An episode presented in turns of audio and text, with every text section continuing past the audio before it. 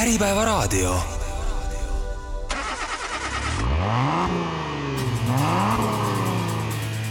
autojutud. autojutud toob teieni Beast Rent. rendi Tesla vähem kui viie minutiga seekordne autosaade on omamoodi katsumus, aga selline meeldiv katsumus, sellepärast et me hakkame rääkima raadios ehk visuaalideta meediumis autofotograafiast ja sellega seonduvast. samas ähm, külaline just nimelt sel teemal vestlemiseks on minu arvates väga sobiv Sergei Žuganov, keda nimetatakse siin-seal ka Eesti esiautofotograafiks, tere Sergei! tervist! Mina olen nagu ikka Karl-Eduard Salumäe. Sergei on lisaks kõigele muule veel ka autogurmaan, mistõttu vestleme saate teises pooles tema isiklikust autohuvist, omandusest läbi käinud põnevamatest masinatest ja Eesti autokultuuri arengust.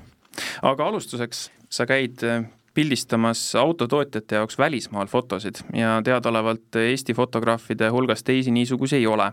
sa oled näiteks teinud McLareni kodulehele ja turundusmaterjalide jaoks pilte kui ma paluksin sul natukene teha iseenda klientide kohta mingisugune ülevaade või, või ringtuur, siis missugused nimed sa välja tooksid, kelle heaks sa oled pildistamas käinud ja kus kohas?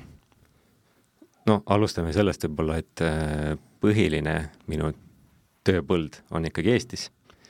vähehaaval üritan äh, pääseda välja ka mujale maailma, et see, mis on olnud minu pikaaegne unistus, et see hakkab võib-olla vaikselt teoks saamas omajagu ma olen pildistanud ikkagi Audisid mm, -hmm.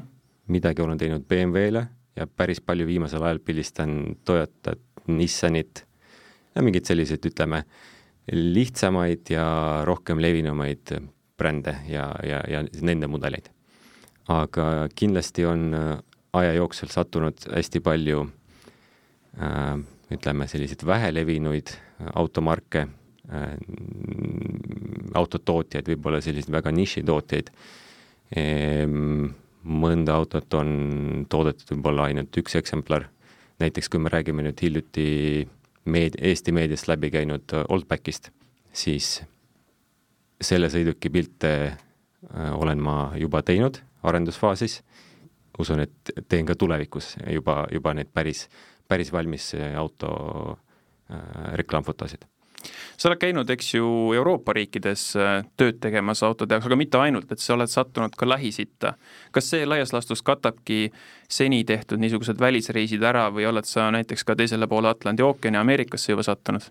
Ameerikasse olen ka sattunud, aga need on olnud pigem sellised töö otsimise reisid, ehk siis iseenda initsiatiivil olen äh, üritanud koputada erinevatele ustele, mis ei ole küll tänaseks, tänaseks päevaks võib-olla oma eesmärki äh, täitnud, aga sellegipoolest olen seal mõningaid selliseid nii-öelda eraklientidele mingeid äh, töid teinud.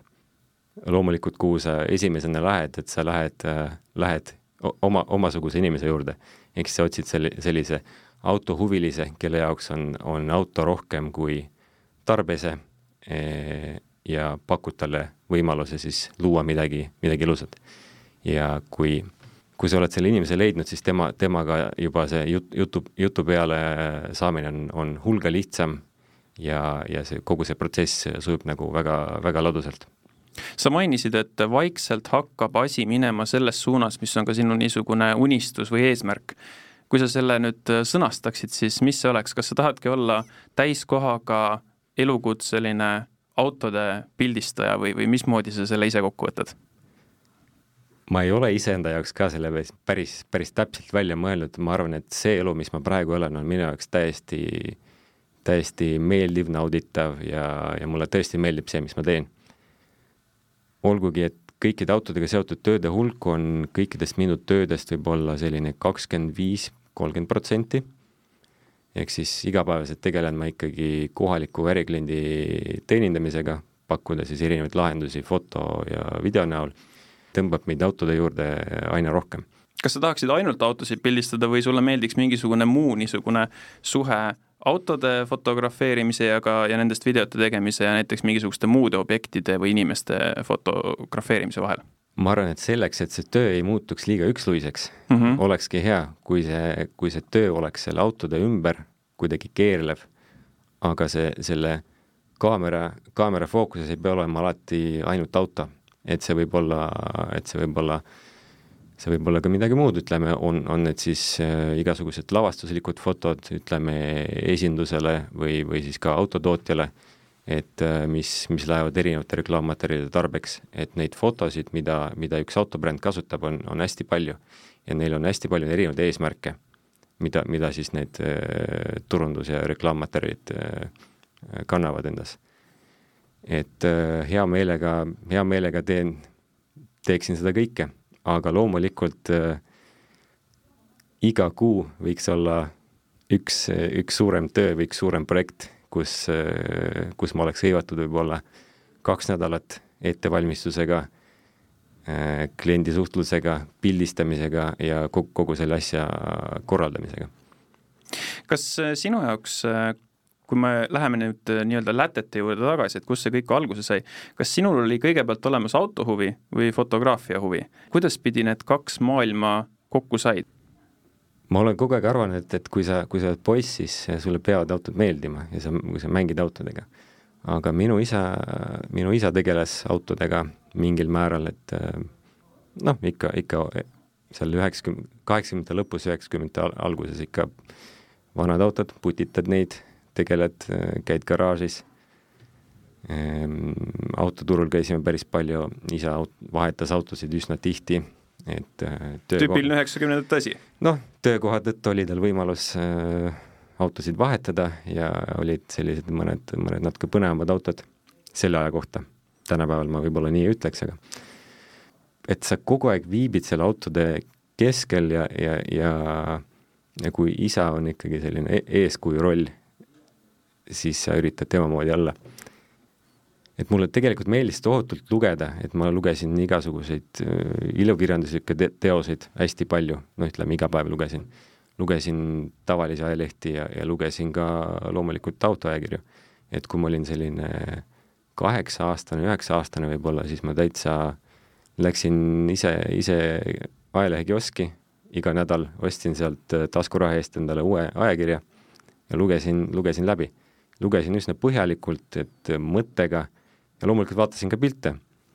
ja see aeg oli juba, üheksakümnendate keskpaik oli, oli juba üsna arvestatav äh, fotograafia, autofotograafia. ja vaatasin pilte ja mõtlesin, et need on, need on päris hästi tehtud, need on ilusad taustad, autod on hästi valgustatud ja noh, autod ise olid ilusad. ja kuidagi oli, oli selline mõte, et äh, võib-olla üks päev, kui mul oleks mingisugune kaamera, siis ma tahaks ise ka pildistada. et teha, korrata et tahaks korrata samasuguseid pilte. ja ütleme, niimoodi ma selle autofotograafia juurde sattusin. E, muidugi seal vahel oli, oli, oli aegu, kus, kus ma ei ole isegi mõelnud, et ma tahaks pildistada või et minust saab üldse fotograaf või et minu elu on kuidagi autodega seotud. aga kõik, kõik juhtus, kõik juhtus väga loomulikul viisil, et üks asi viis teiseni, et tutvused Äh, erinevad üritused ja nii sa, nii sa saad inimestega kokku ja, ja kuidagi see saatus viib sind sinna punkti, kus sa siis lõpuks oled. räägime siinkohal äh, hästi põgusalt sinu haridusest. sa oled tegelikult äh, Eesti filoloogi haridusega, jah? Olgugi, et ma räägin eesti keelt ikkagi nagu võrdlemisi kehvasti, siis siis jah, tõsi äh,, minust oleks pidanud saama eesti keele õpetaja äh, vene kooli, ehk mm -hmm. siis äh, õppisin eesti keelt võõrkeelena ja eesti kultuuri, on selle eriala nimi. Äh, lisaks muidugi õppisin reklaamimagoloogiat ja magistrikraad on mul teletootmises. see on tegelikult üks hea koht, mis, mis mul praegu meelde tuli, et ma ei ole selle peale tükk aega mõelnud. tegelikult viisin ma peale kooli lõppu viisin ma dokumendid EKA-sse fotograafia erialale. aga tõenäoliselt need targad inimesed, suur aitäh neile, nad arvasid, et ma ei ole piisavalt hea selleks, et äh, fotograafia erialale siis okay. minna õppima mm. -hmm. ja, ja õnneks oli mul natuke veel aega, ema soovitusel viisin dokumendid ka sinna Tallinna Ülikooli.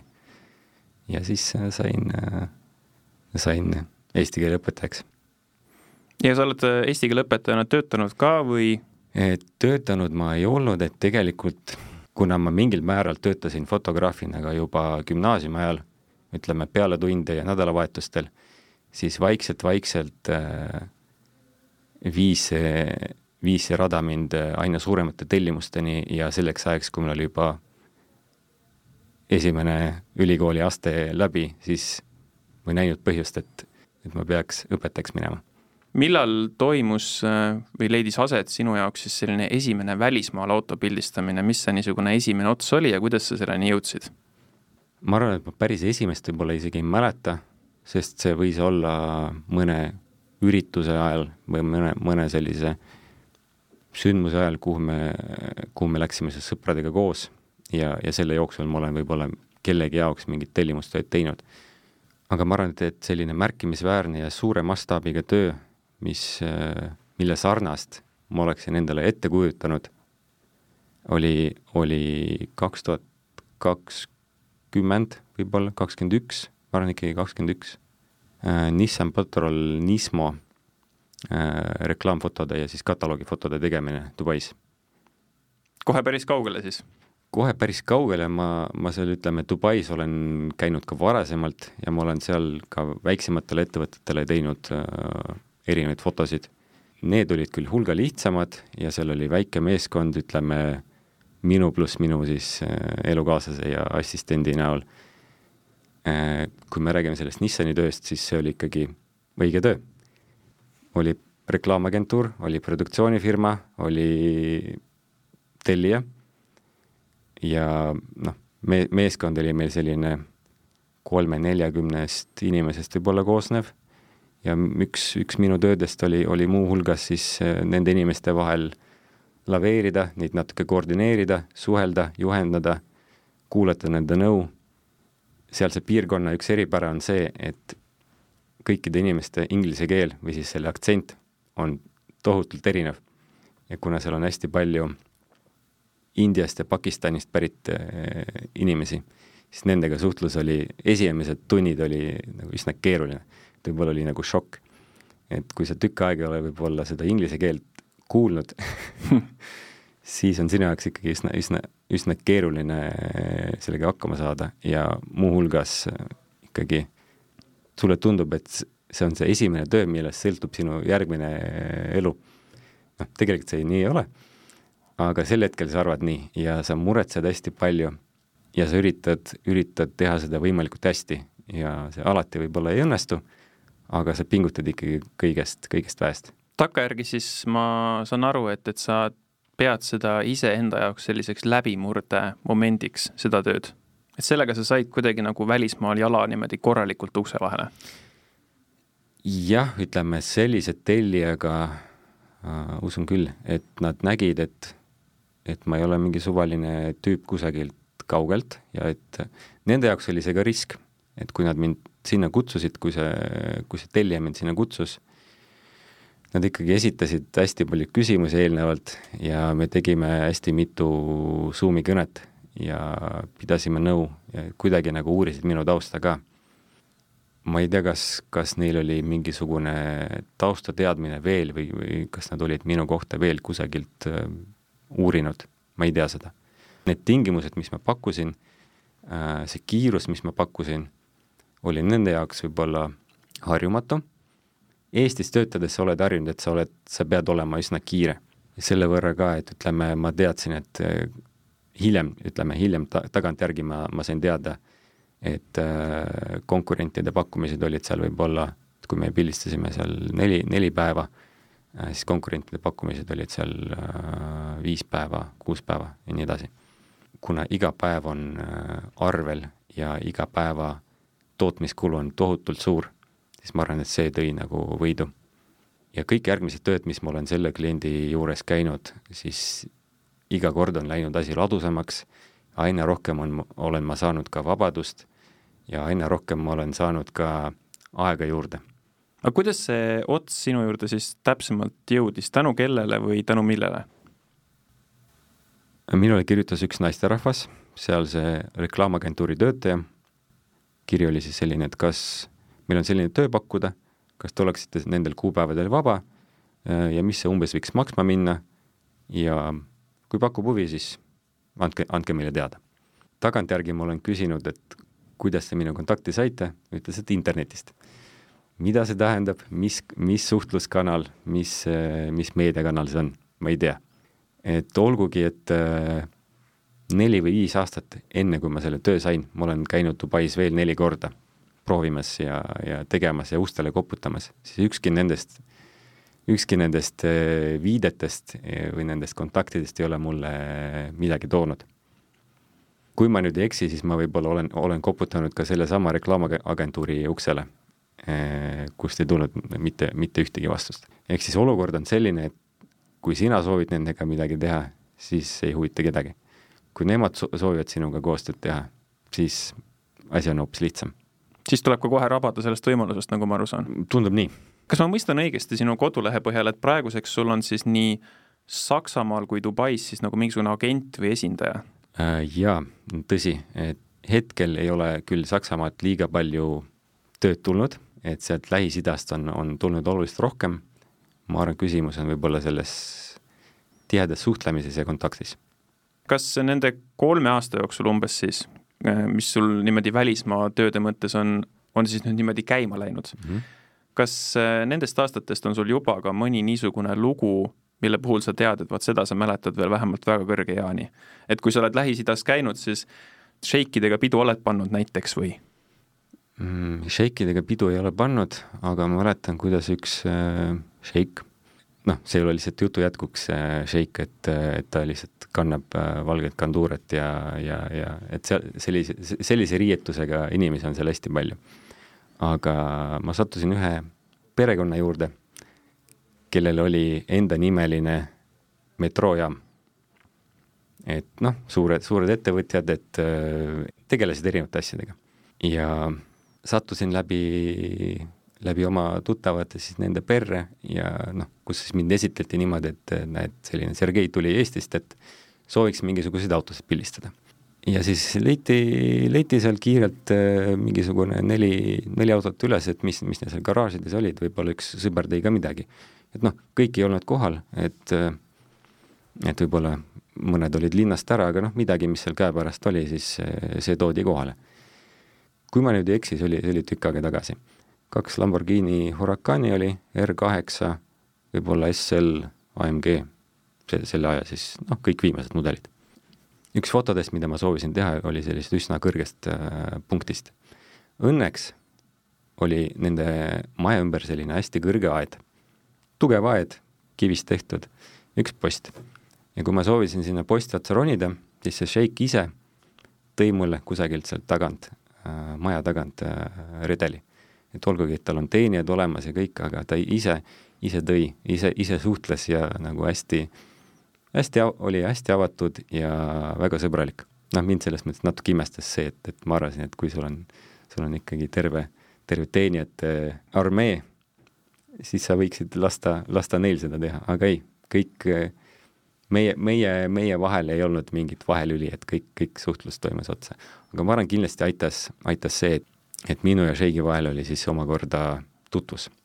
kas äh, sa eelistad näiteks superauto pildistamist äh, maasturile, kas sa eelistad pigem euroopalikumat tausta või liivatüüne, on sinu jaoks vahe või on kõik omamoodi niisugused huvitavad ja põnevad äh, proovikivid?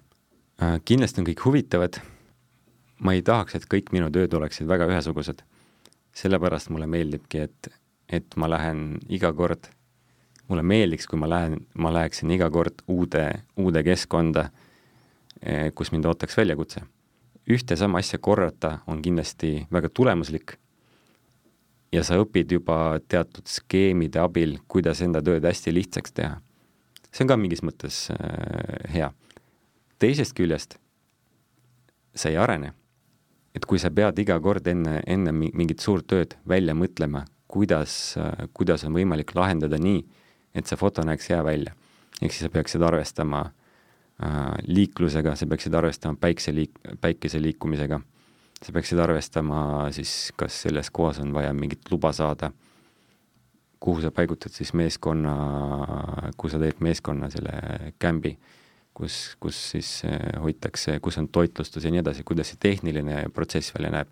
ehk siis iga, iga suur töö, mis on uues keskkonnas, on uus töö ajule ja selline põnev pähkel, et kuidas sa lahendad seda, millised näevad välja siis need fotod, kui sa oled need ära teinud ja, ja lõpuni viimistlenud.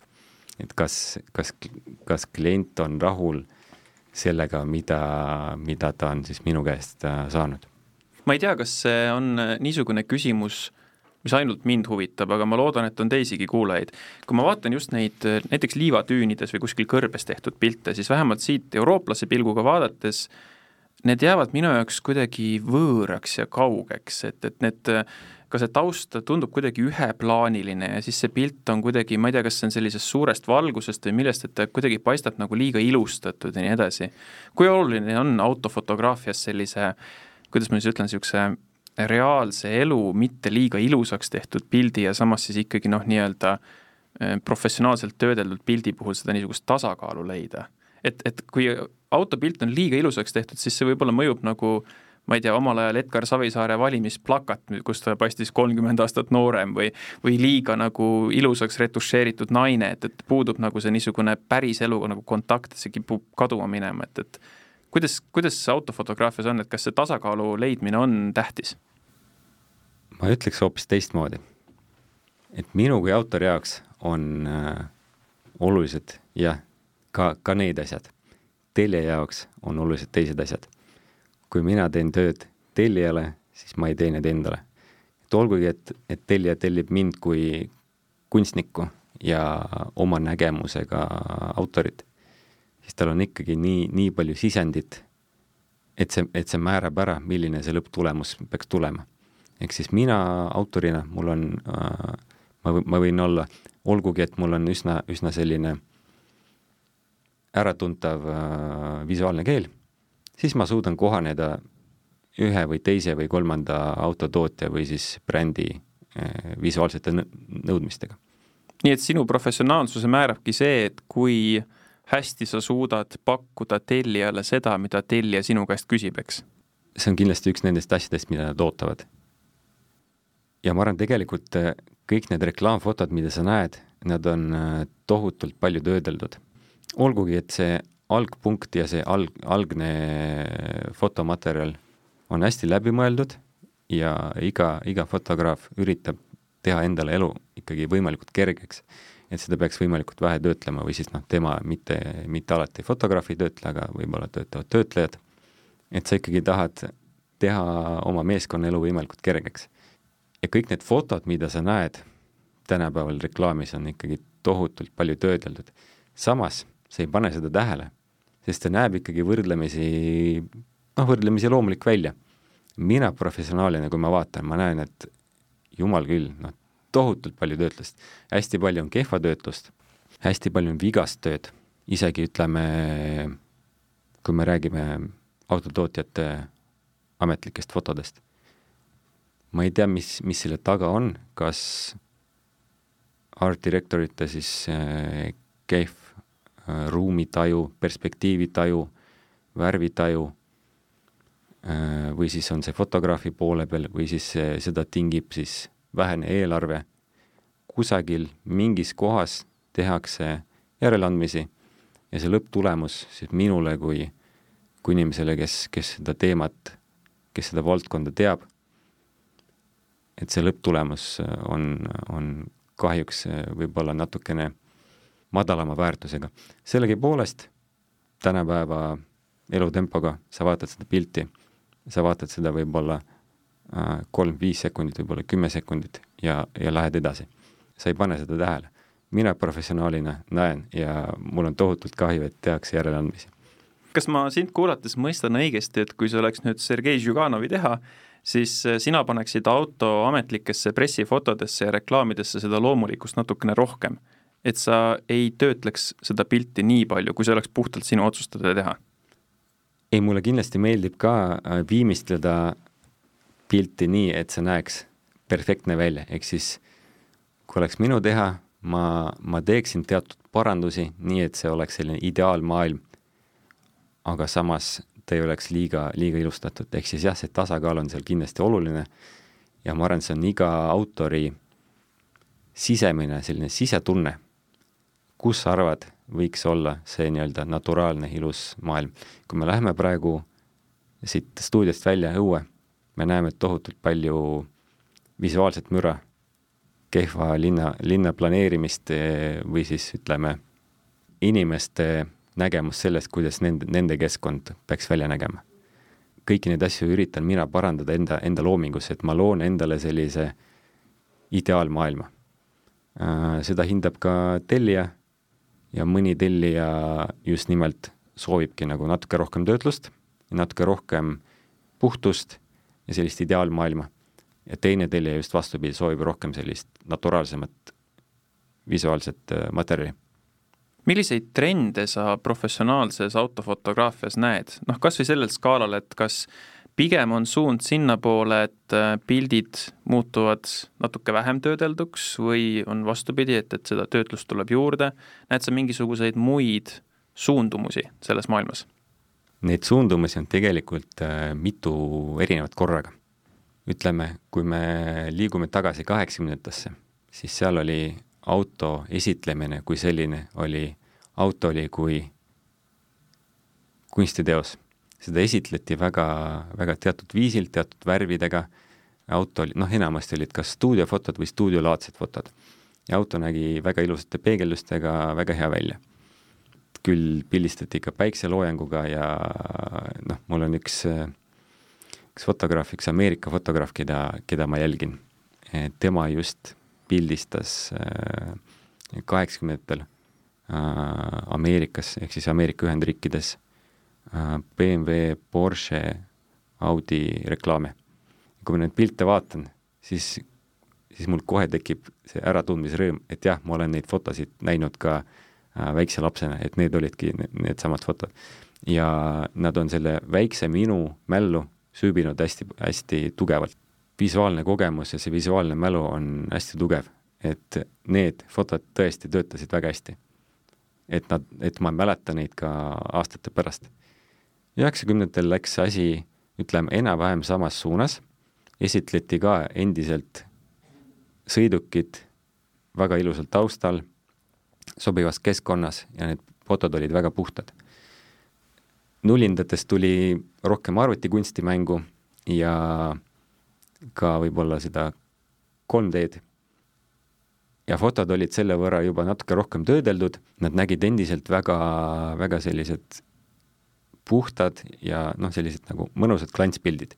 ütleme, mis mulle esimesena meelde tuleb, võib-olla BMW visuaalne keel alates ütleme kaks tuhat kolm, enam-vähem sinnakanti, kuni siis selle kümnendi lõpuni välja väga puhtad pildid, väga head värvid, jah, nad nägid küll välja sellised natuke mitte liiga naturaalsed, aga sellegipoolest kogu selle kunstnike meeskonna töö oli ju tegelikult filigraanne. Äh, kui me lähme nüüd järgmisse kümnendisse, noh, see kümnend on selline väga tingitud üleminekuperiood, eks ole, et umbe, umbes kusagil seal, sealkandis toimusid muutused aina rohkem hakati kaasama autofotodesse ka inimesi. ehk siis auto kui selline kaotas oma võlu. turundusmeeskonnad arvasid, et, et kui sa tahad, kui sa tahad ostjat meelitada, sa pead näitama talle pildi peal ka ostjat ennast või siis mingisugust figuuri, kellega saab ostja ennast samastada. tinglikult öeldes turundusmeeskonnad müüsid inimestele elustiili. mitte autot kui sellist, aga elustiili, mis sellega kaasneb. ja vastavalt siis automudelile oli ka visuaalne materjal. auto, autot paigutati jällegi sobivasse keskkonda, aga selle juures olid ka modellid, kes tegelesid siis ühe või teise spordialaga, käisid ühes, ühes või teises kohas, et käisid matkamas, käisid lohega, lohega sõitmas või mida iganes, on ju, või, või, või rattaga. Äh, või neiud siis käisid mingi oma väikse, väikse linnaautoga kohvikus, on ju. Need on kõik need autod aktiivse eluviisiga inimesed ja nii edasi, jah? aktiivse eluviisiga inimesed. aga mis siis need äh, viimase aja suundumused on, et kas nüüd jälle inimesed koristatakse seal piltide pealt rohkem ära või, või kuhu poole asi tüürib? mulle tundub, et sõltuvalt autost või automudelist või sellest äh, kasutusviisist tehakse ka erinevaid fotosid. et kui me räägime sellisest kiire sõiduautodest, siis seal on, äh, siis seal praktiliselt ei ole, ei ole seda inimest nähagi piltide peal. väga vähe. võib-olla selle inimese juuresolek või olemasolu kusagil seal taustal on kindlasti äratuntav. aga need on ikkagi sellised väga dünaamilised kiiresõidufotod, tunnelis, ringrajal, sõiduteel, need fotod ei ole alati isegi väga teravad, et, et see dünaamika, mis sealt sellest autost tuleb, noh, tun-, tunne peaks olema selline, et see dünaamika on nii tugev, et sa ei suuda seda autot isegi teravalt sinna kaadrisse saada. samas teatud automudelite puhul kasutatakse jälle siis rohkem, rohkem seda elustiili fotosid ja seda, kus auto on võib-olla aksessuaar või sinu abiline või sinu kaaslane. Aga sina kui see, kes seda autot omab ja see, kes seda autot juhib, tema on hoopis kangelane. ehk siis inimene tuleb esiplaanile äh,. auto on sinu kindlus, sinu kodu, sinu koht, kus sa saad olla turvaliselt, mugavalt, kuulata head muusikat, mis viib sind ühest kohast teise. Kui palju autonduses tervikuna valitsevad äh, trendid, äh, puudutab see siis ütleme, seda, mismoodi ühiskonnas autosid nähakse, seda, millises suunas näiteks tehnoloogia liigub, selles suunas, äh, kuhu disain liigub. et no näiteks, kui me räägime autost järjest rohkem kui ratastel iPhone'ist või iPadist, mis võib-olla sõiduelamuse mõttes polegi enam nooremale ostjaskonnale äkki nii tähtis, et, et see, mida see auto pakub nagu tehnoloogia mõttes, on olulisem. kas see võib äh, sinu parima arusaamise järgi nagu tingida ka mingeid tulevikutrende, mis puudutab fotograafiat, noh näiteks, et autot tuleb pildistada järjest rohkem seest, järjest rohkem niimoodi, et roolis olev inimene vajutab mingisugust ekraani ja muud niisugust asja kindlasti on seda näha olnud ka viimased mõned aastad ja ma isegi, kui ma olen välismaal ikkagi neid kataloogifotosid, reklaamfotosid teinud, alati on meil seal mängus, ühendame iPhone'i siis Apple Car CarPlay'ga ja viime sinna ekraanile siis teatud pildi. ja siis äh, see peategelane, kes, kes meil seal kaadris on, et tema siis toimetab selle multimeediaga ma arvan, et aina rohkem muutub sõiduki tõesti see sisemus ja, ja see sisemine keskkond selliseks, et seal oleks mugav olla. Äh, ja noh, nagu me näeme, siis autodisain muutub teatud suunas, mis ei ole võib-olla alati, alati liiga meeldiv, aga ja seda, seda ma saaksin teatud äh, automarkide puhul äh, küll öelda, et mõned minu lemmikbrändid on küll läinud seda teed, et ma enam, enam ma seda autot ei ostaks sest et väljast on ta läinud ikkagi nagu võrdlemisi kummaliseks. selle eest on, seestpoolt on küll noh, ütleme, et saaks kiita. Üks niisugune asi, mis võib-olla puudutab jällegi ainult mind ja veel kolme inimest, aga ma ikkagi küsin selle ära.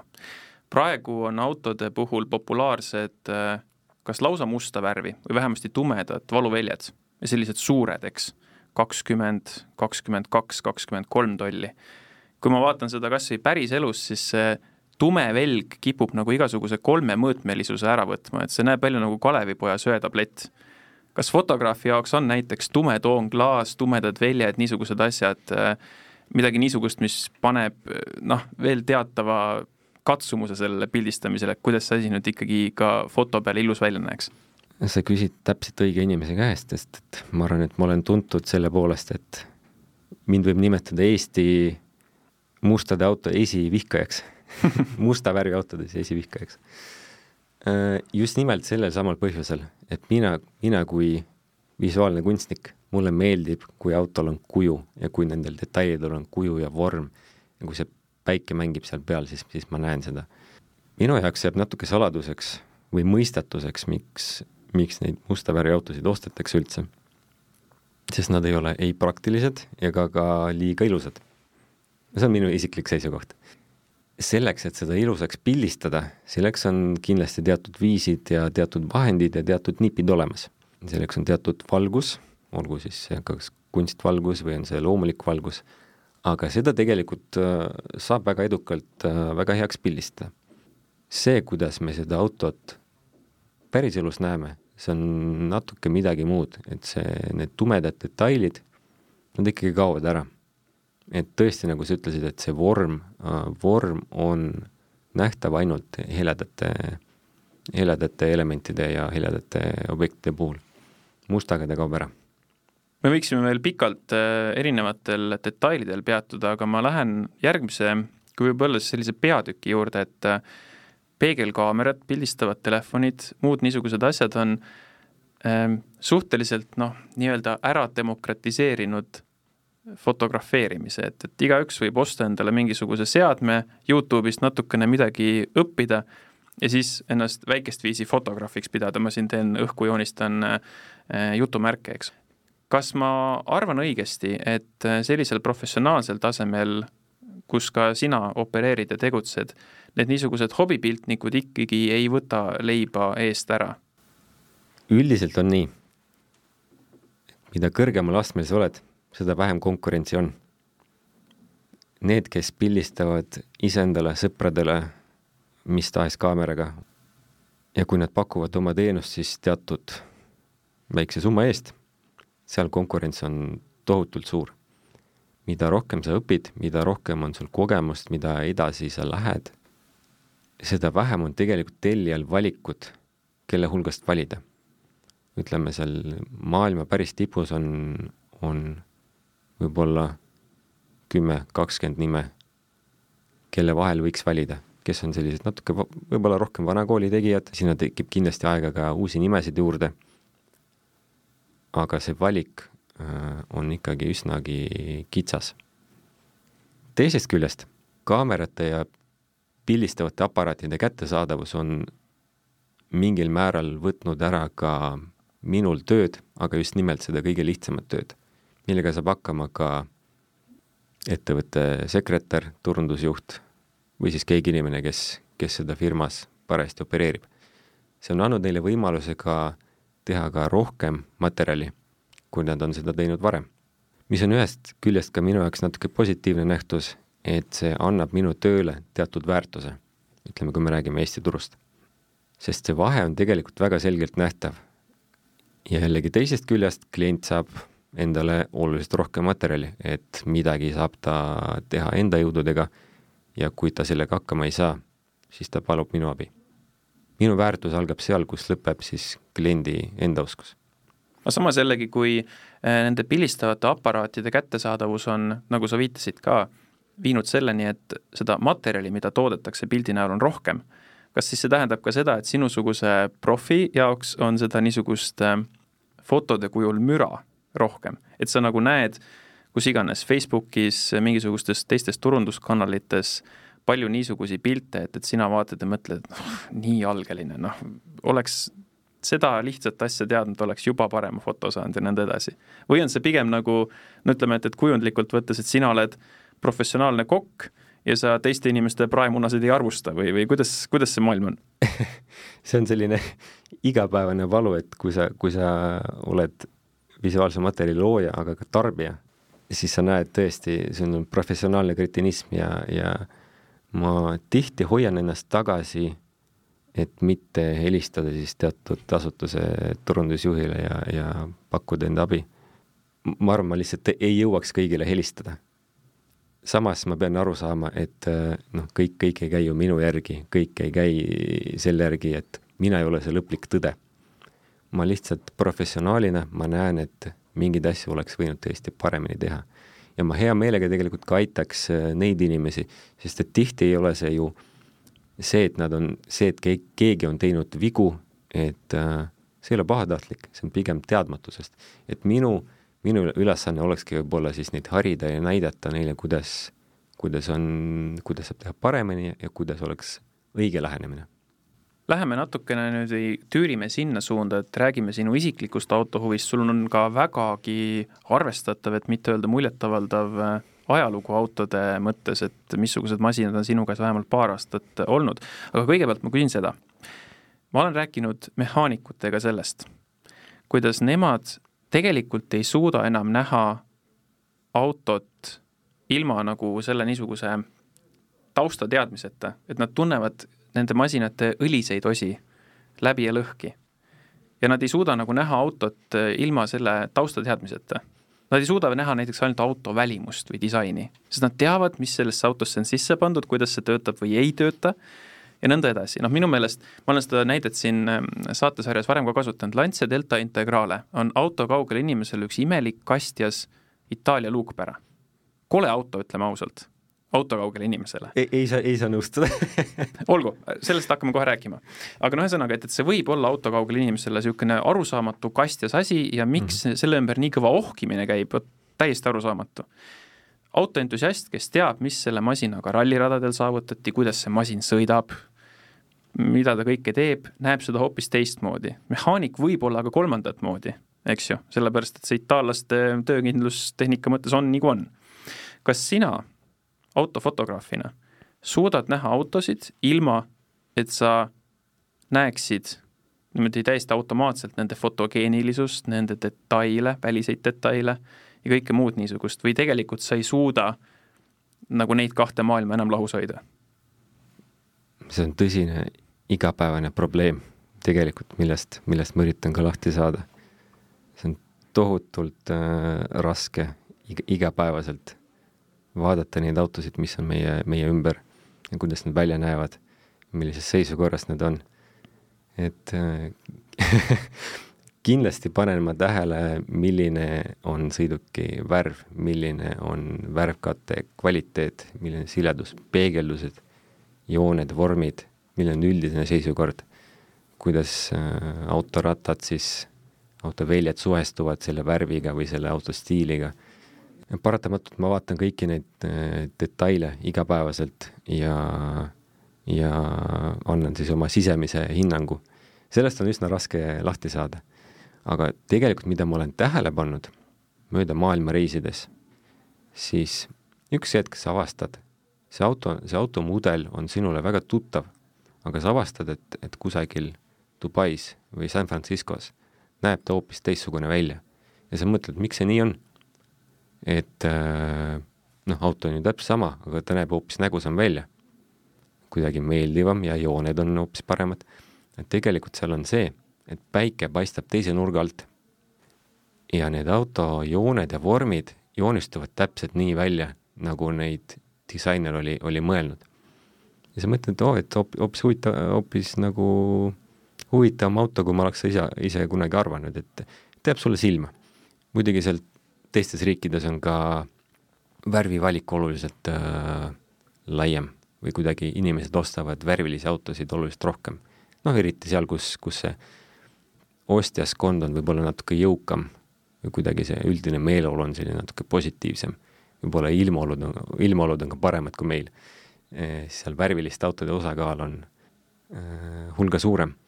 ja teisest küljest ma olen tähele pannud näiteks, et üks vana klassikaline Porsche üheksa üks üks näiteks põlvkonnas, üheksa kuus neli või üheksa üheksa kolm, et ta näeb hoopis parem välja jällegi seal keskkonnas, et, et kusagil California tänavatel ta näeb hoopis parem välja kui, kui meil siin Eestis.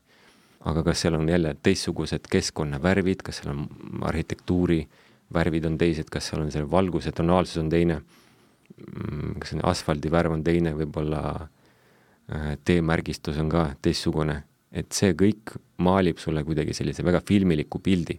kui sa selle auto näed siin äh, Tallinna tänavatel, jah, sa tead, et see on see auto, ta näeb hea välja, aga see kogu, kogu see komplekt, mis seal minu äh, minu, minu silmis siis äh, kokku tuleb, et ta on hoopis äh, nõrgem kui sa alustasid oma seda mõttekäiku, et, et äh, mõnes teises maailmajaos seesama auto võib kuidagi hoopis teistmoodi mõjuda, siis enne, kui sa jõudsid oma seletuseni, et, et mis, mis selle tingib, siis ma lasin enda peast ka kiiresti läbi, et nii, mis ta nüüd ütleb, kas ta ütleb seda, et need autod on valitud teist värvi, mida sa ka mm. ütlesid, aga siis tegelikult võib ju päris palju mõjutada ka see, et äh, mis autosid üldiselt teedel ja tänavatel näeb, noh näiteks, et kui sa näed igal pool suuri maastureid, Ameerika paljudes piirkondades see nii on, ja ühel hetkel tuleb noh näiteks E-klassi universaal, siis vaatad, vau, nägus auto.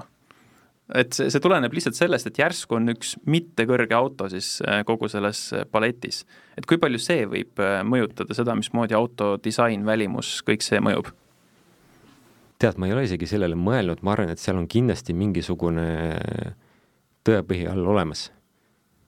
et kui me, mul on olemas hea kogemus, ütleme, oma esimeste autode põhjal, äh, mis on olnud siis valdavalt seal Volkswagenid ja BMW-d, äh, siis ütleme, nullindate alguses ma vaatasin ka hästi palju neid välismaiseid äh, autofoorumeid ja ma nägin, kuidas siis Ühendriikide autofanatid siis ehitasid oma autod ümber Euroopa versioonideks, ehk siis panid teistsugused tuled, teistsugused stanged, teistsugused siis luugid või, või kus on siis ütleme, pika, pika numbri jaoks need kõik süvendid.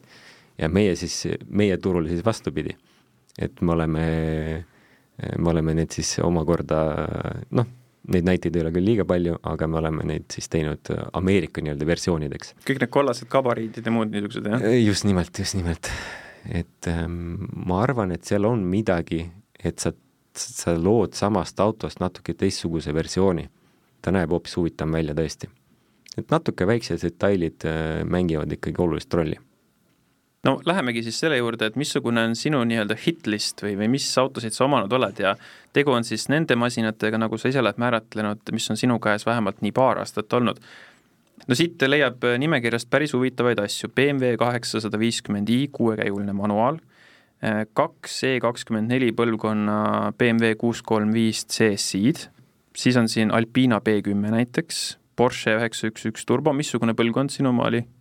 üheksa üks kuus nii, ja siis muidugi sellise heas mõttes võõrkehana üks Plymouth Prowler.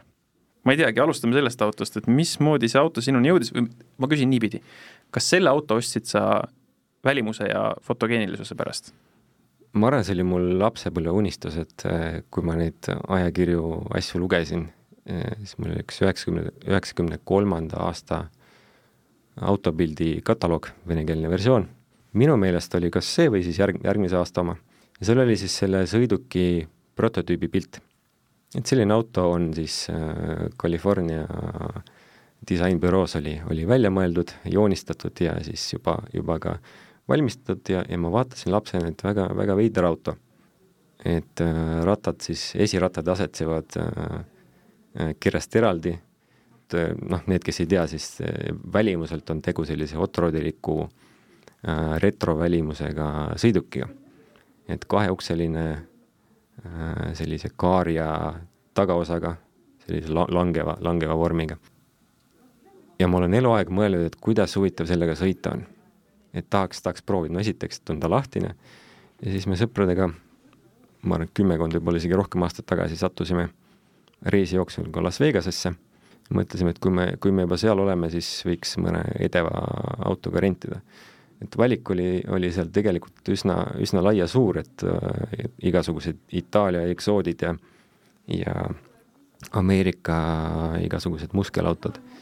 aga siis meil sõpradega, meil ühe, ühe sõbraga siis võtsime kahe peale, et hakkas silma, et seal on kollane Plymouth, Plymouth Prowler. ütlesin, oh, hea võimalus. Ja, ja, ja kui ma sellega sõitsin, siis mõtlesin, issand jumal, kui halb see, kui halb see auto saab olla see on, see on, see on, see on nii kohutav, et ta on, ta on nii aeglane, et ta, ta vajutad gaasi, siis see, see gaasipedaal on seotud justkui nagu kummipaelaga sinna käigukasti otsa. et see, see ei kiirendanud, see oli nagu, see käigukasti töö oli, oli noh, täiesti ebaloogiline, et see koostöö kvaliteet tohutult halb, need kasutatud detailid, mis seal kasutatud olid et igasuguste pere, peremaasturite ja, ja džiipide siis varosadest enam-vähem kokku pandud salong, on ju. ühesõnaga natuke pettusin selles autos ja, ja siis, kui mõne aasta pärast tekkis võimalus äh, endal selline auto osta, siis äh, mitte terveauto kujul, siis ma loomulikult kasutasin selle võimaluse ära, et et kui Las Vegases on sõidetud, siis tuleb, tuleb ka Tallinna tänavaid ära proovida. Ja siis ma sain endale ühe veekahjustustega äh, Plymouth Prowleri mille me siis koju ära tõime ja elukaaslase ja minu isaga ära remontisime, nii et sellest sai sõitev auto. mulle ta hakkas lõpuks meeldima. aga e-, ega ta nagu selles mõttes hea hea auto ei ole, et äh, kuna ma olen ta algosadeni siis lahti võtnud ja, ja ära näinud, et millest ta tegelikult koosneb, et ta on üsna primitiivne auto. Et äh, selline peaaegu nagu kittkaar, aga, aga noh, tehase toodetud kittkaar. jah, see kvaliteet oli halb, aga, aga temaga oli põnev sõita ja ta oli, tal oli, tal oli iseloom. et äh, ma olin sellega kaks-kolm aastat võib-olla sõitnud, läbisõitu väga palju juurde ei tulnud, et aga mulle ta meeldis. et mulle ta meeldis, ma suutsin temaga ära harjuda sa paistad olevat hea inimene, kelle käest küsida, et mis on see auto, mille äramüümist sa kõige rohkem kahetsed? Kõik autod on olnud nii head, ütleme nii, et mul on olnud ainult head autod, et olgugi, et mul on olnud ka äh, üheksakümnenda, üheksakümne viienda aasta Volkswagen Passat, see teada-tuntud äh, kütusevedur sajaliitrise äh, kütusepaagiga. see on olnud ka tohutult mõnus auto, et oli õigel ajal õiges kohas ja, ja mulle, mulle ta väga meeldis teatud põhjustel RS4 Audi V8 mootoriga manuaalkast, väga mõnus auto, väga hea oli sõita. ta oli natuke igav. ta oli audilikult igav, aga sellegipoolest ma sõitsin temaga, ükskord sõitsin üle tuhande kilomeetri jutti, peaaegu ilma peatusteta, astusin autost välja ja üllatus mul selg, selg ei valutanud. Need kõik autod on olnud väga head autod ja igal autol on oma, oli oma eesmärk. üldiselt mi-, ma olen, ma olen juba nii vana, et ma olen ära õppinud äh, seda, et igal autol on eesmärk, et, et kui ma, kui ma käin midagi igapäevaselt linna peal tegemas, siis pigem ma võtan mingi sellise auto, millest mul ei ole kahju, et, et, et ta saab, ta saab viga, et mingi väiksed pleki mõlkimised, parklamõlgid, minu jaoks on oluline, et ma jõuan punktist A punkti B. see, kas, kas ma saan sealt äh, sõidurõõmu noh, see on küsitav, aga, aga see auto täidab oma eesmärki. ja jällegi teised hetked, kui ma tahan äh, sõitu nautida, selleks on teatud kellaajad, teatud kohad, siis ma võtan, võtan sobiva auto garaažist ja, ja lähen sõidan ja, ja naudin. ja saan kõik need emotsioonid, mida ma igapäevaselt liigeldes sama autoga kindlasti kätte ei saaks. mis veel sinu nimekirjast äh, silma hakkab, null Jaapani autot mis värk sellega on, kas sa oled puhtalt nüüd niisugune Euroopa ja võib-olla konkreetsemalt Saksa rauamees või, või kuidas? ma olen liiga kalkuleeriv mees ütle, ütleme nii äh,. Jaapani autosid ma olen vaadanud küll, mida võiks osta, et sealt nii-öelda unistuste autode nimekirjast on, on neid auto, Jaapani autosid läbi käinud küll, aga ma ei ole ma ei ole võib-olla leidnud seda põhjust, et äh, nüüd on see osutunud valituks. ma olen mõne Jaapani autoga sõitnud, mõni väga populaarne auto on osutunud minu jaoks nagu suureks pettumuseks hoopiski. arvestades minu tut-, tutvusringkonda ja minu teadmisi, mul on äh, oluliselt lihtsam remontida ja hooldada mõnda keerulist saksa autot kui, kui, kui mõnda lihtsat Jaapani autot. siinkohal on hea küsida ka, et kas äh, fotograafi pilgu järgi Euroopa autod, eriti just Saksa autod ja Jaapani autod, on siis kuidagi kaks erinevat maailma või? jah, olgugi, et viimasel ajal need Euroopa disainerid liiguvad, äh, liiguvad ka sinna idamaadesse, ida, idabrändide palgale ütleme, vähemalt vanasti oli, oli küll selgelt näha, et üks on kvaliteetdisain, teine on siis säästudisain. aga kindlasti tingis seda ka auto hind. et auto projekteerimise, auto loomise hind koosneb ju ka disaini hinnast. et selle hea disaini tegemine on ju ka tegelikult tohutult kallis. ja alati ei ole selle lihtsa odava linnaauto üle disainimine kuigi mõttekas üleüldse, et see ostja, kes seda ostab, ta ei pööra sellele võib-olla liiga palju tähelepanu. kui me räägime mõnest premium brändi tootest, siis seal on kindlasti disain üks oluline osa. ja lõpetuseks äh, minu hea sõber Tõnu Korral, tuntud autoajakirjanik, pakkus ühe täitsa ägeda nurga, et äh, millest võiks sinuga rääkida. sa oled Tallinna poiss, Tallinnas üles kasvanud mis tähendab seda, et sul oli noh, nii-öelda maapoiste ees üks selge eelis. sina üheksakümnendatel oma niisuguses õrnas eas nägid päris hästi pealt seda, mismoodi Eesti hakkas vaikselt täituma huvitavamate autodega, sest lõviosas nad ikkagi sattusid äh, Tallinnasse. ja sa siin juba meie jutuajamise eelnevas faasis nagu ilmutasid ka seda, et sa ikkagi jälgisid ja panid päris hästi tähele, mis ümberringi sündis. kas mõni üheksakümnendatel äh, Tallinnasse jõudnud äge auto on kuidagi eriliselt ka sinu mällu sööbinud või kui ma palun sul natukene meenutada seda üheksakümnendate Eesti autoskeenet, siis missugused äh, näited ja konkreetsed autod sulle ennekõike, ütleme, esimesena meelde tulevad? Aga ma ei ole kindlasti see etaloon, kes, kes ütleb, et äh, nagu, nagu statistika, et, et sellised autod oli, oli suures enamuses ja, ja neid ei olnud üldse. aga nii palju, kui ma mäletan ja nii palju, kui ma olen uurinud seda teemat, et ma olen seda üheksakümnendate auto, autoskeenet tõesti natuke uurinud isegi lausa, äh, suhelnud siis teatud, teatud inimestega, kes on oma mälestusi jaganud. jah, neid BMW-sid ja, ja Mercedeseid, noh, mis on kindlasti sellised ka kallimad autod, ütleme meie põlvkonna inimestele, mis hakkasid võib-olla kõige rohkem silma. et neid oli omajagu, seal tippmudeleid võib-olla liiga palju ei olnud, äh, kindlasti oli Ameerika autosid hästi palju, äh, see kultuur oli kuidagi võrdlemisi selline lai ja, ja need igasuguseid marke ja mudeleid oli, oli, oli päris palju. mida ma veel mäletan et oluliselt populaarsemad, kui seda, seda on praegu, olid ütleme siis teatud kontingendi seas, ütleme, olid need siis äh, suured ettevõtjad või olid need siis äh, teatud teistsuguse taustaga inimesed, äh, Jaapani sportkupeed, noh, olgu, seal oli, seal oli ikka valikud sel ajal, et seal oli Subaru SVX, seal oli Mitsu kolm tuhat GT. Toyota Supra. Toyota Supra, Mark kolm, Mark neli, hiljem juba neid, neid oli küll päris vähe. Z-Nissanid Äh, just nimelt, et kolmsada ZX, et äh, neid oli ka, aga minu isiklikud mälestused on pigem ikkagi Saksa autodega, et noh, meil peres olid, olid Saksa autod ja, ja loomulikult oli, oli ka minu silm võib-olla nendele pidama jäänud, et äh, kodu lähedal oli üks restoran Commandor, mille ees siis parkis pidevalt äh, sada kakskümmend neli kerega E500. et see oli, noh, aastad olid üheksakümmend kuus ja seal, ütleme, enamus, mis ma praegu räägiksin, on, ongi sellest vahemikust võib-olla üheksakümmend viis, üheksakümmend seitse, et kui ma olin natuke teadlikum juba.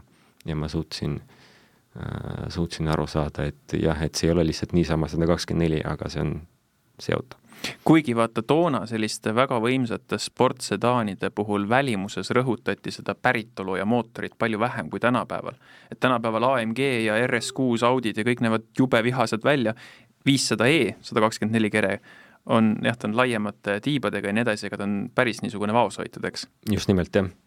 ja, ja mida ma kindlasti mäletan veel, üks selline põnev seik oli, et me elasime Lasnamäe lõpus, ütleme, jalutad sada meetrit, siis on sul mets ja, ja busside lõpppeatus.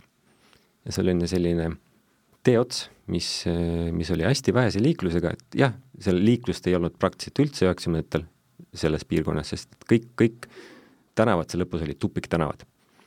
ja siis me sõpradega sõitsime jalgratastega, jäime korra pidama, midagi seal juttu rääkima, kesksuvi, sa kuuled võib-olla seal rohutirtsu, võib-olla hästi vaikne on. mitte midagi ei toimu. ja siis ku-, kuuled kuskilt kaugelt, tuleb midagi rehvivilinaga.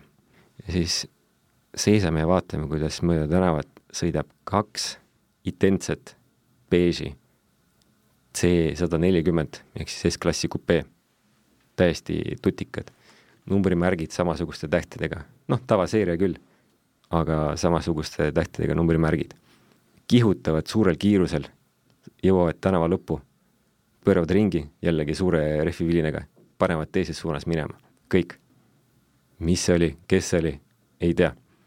aga need autod on mul nii, nii hästi meelde jäänud ja, ja ma olen äh, mingi vahe, ma olen neid ka otsinud, et kas nad on kunagi müügis olnud või nad võib-olla jõuavad müüki. ma olen ühte neist autodest näinud ka linna peal. Ja üsna hiljuti, võib-olla paar nädalat tagasi, õnnestus mul sedasama autot kohata ühes garaažis. poolenisti oli, oli katte all. ja nagu selgus, rääkisin ka mõnede tuttavatega ja mul üks hea sõber ütles, et äh, sellel autol ongi üks omanik olnud algusest peale. Äh, ma tean ka selle nime ja ma olen nüüd ka seda autot näinud. kui sa oled üheksakümnendate Eesti automaastikku natukene ka uurinud, siis niimoodi üldistavalt, kui palju on selliseid masinaid, mis on seniajani Eestis, mis on seniajani nii-öelda elavate kirjas ja millel on niisugune äge põnev ajalugu, et, et kas see, kas need autod on ikkagi nagu suures osas Eestist mingitel aegadel kadunud võib-olla ka õnnetutel asjaoludel, või, või kui palju seda niimoodi kuskile garaažidesse, kollektsioonidesse ja nii edasi peitu ja tallele on jäänud? nagu ütles üks mu hea tuttav äh, Peep Pihatola, siis selle ajastu need kallid autod, et neisse suhtuti hoopis teistmoodi kui meie tänapäeval, et nad, nad olid, nad olid ikkagi tarbeese. ja valdavalt said nad äh, otsa, äh, viidi nad kas romulasse või müüdi kuhugi välismaale et neid autosid, mis on sealt ajastust pärit, noh, mis on, ütleme, sellised üle keskmise huvitavad autod ja mis on meil alles ja mi-, mi-, mille ajalugu saab mingil määral jälgida, neid on, neid on päris, päris vähe.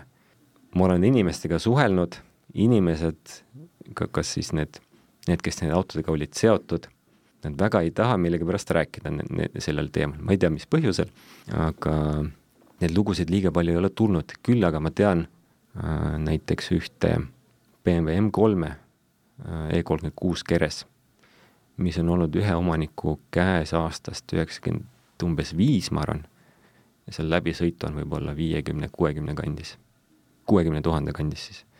Üks omanik, et ta on hoidnud seda ühte autot algusest peale. hiljuti tegin talle ka ostupakkumise, et inimene keeldus.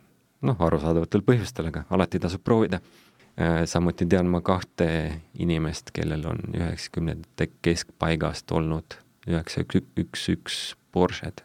Äh, samamoodi algusest peale ühe inimese, inimese käes.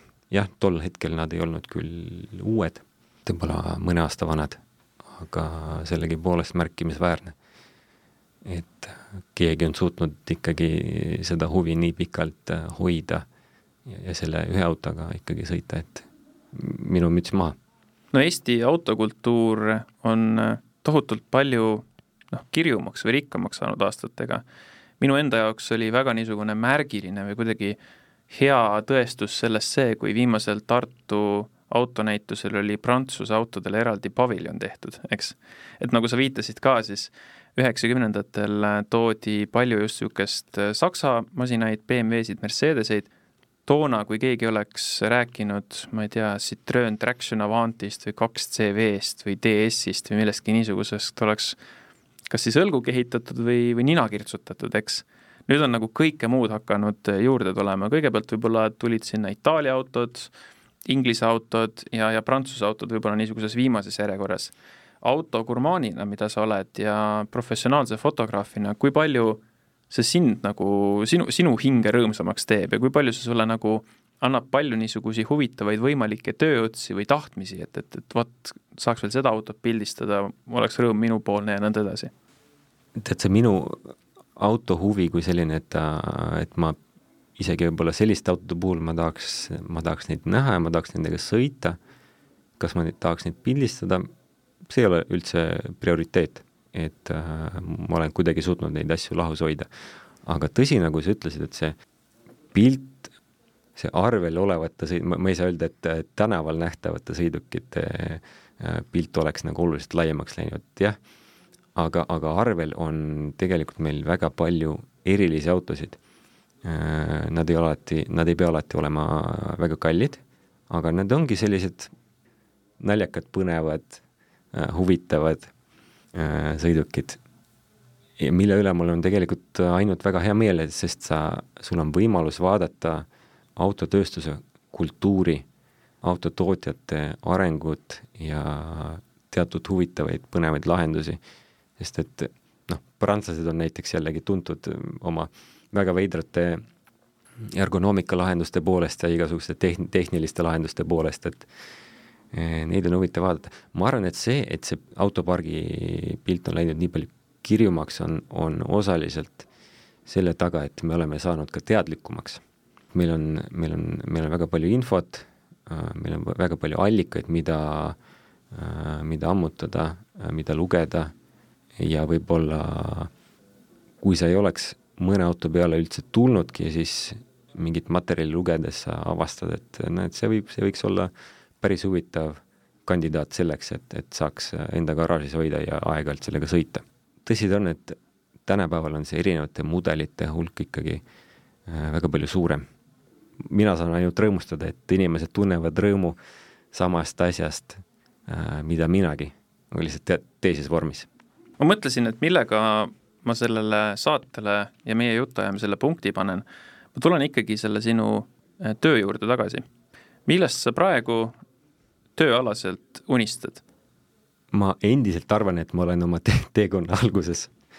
ehk siis mul on veel väga palju teha ja ma arvan, et minu jaoks ei ole praktiliselt vahet, mis marki või mis mudeli see auto on, mis, mis on mu kaamera ees. Pigem mulle meeldib lahendada neid ülesandeid, mina, mida püstitab minu, minu jaoks siis tellija.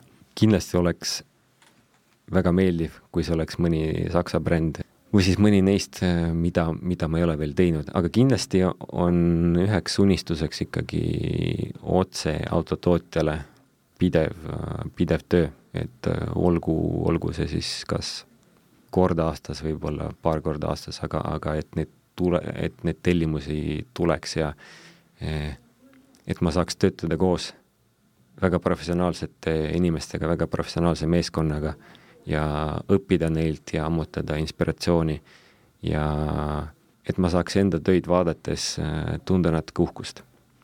et ma olen, ma olen midagi sellist saavutanud. sest praegu sa, sa teed küll, sa teed küll äh, mõne töö, sa oled, sa oled selle üle uhke, aga see, see, see tunne läheb ära võib-olla juba nädala pärast. et, et see samm, mida sa oled teinud, see suur samm, mida sa oled teinud, see on juba tehtud. aeg on minna järgmist siis äh, püüdma või, äh, või teha veel paremini. ma arvan, et see on hea mõte, millega pannagi siis meie jutuajamisele punkt. Sergei Žuganov, aitäh äh, Autojuttude saatesse tulemast ja soovin siis seda, et, et sinu tööalased unistused niimoodi järk-järguliselt täituksid. suur tänu, suur tänu, aitäh kutsumast!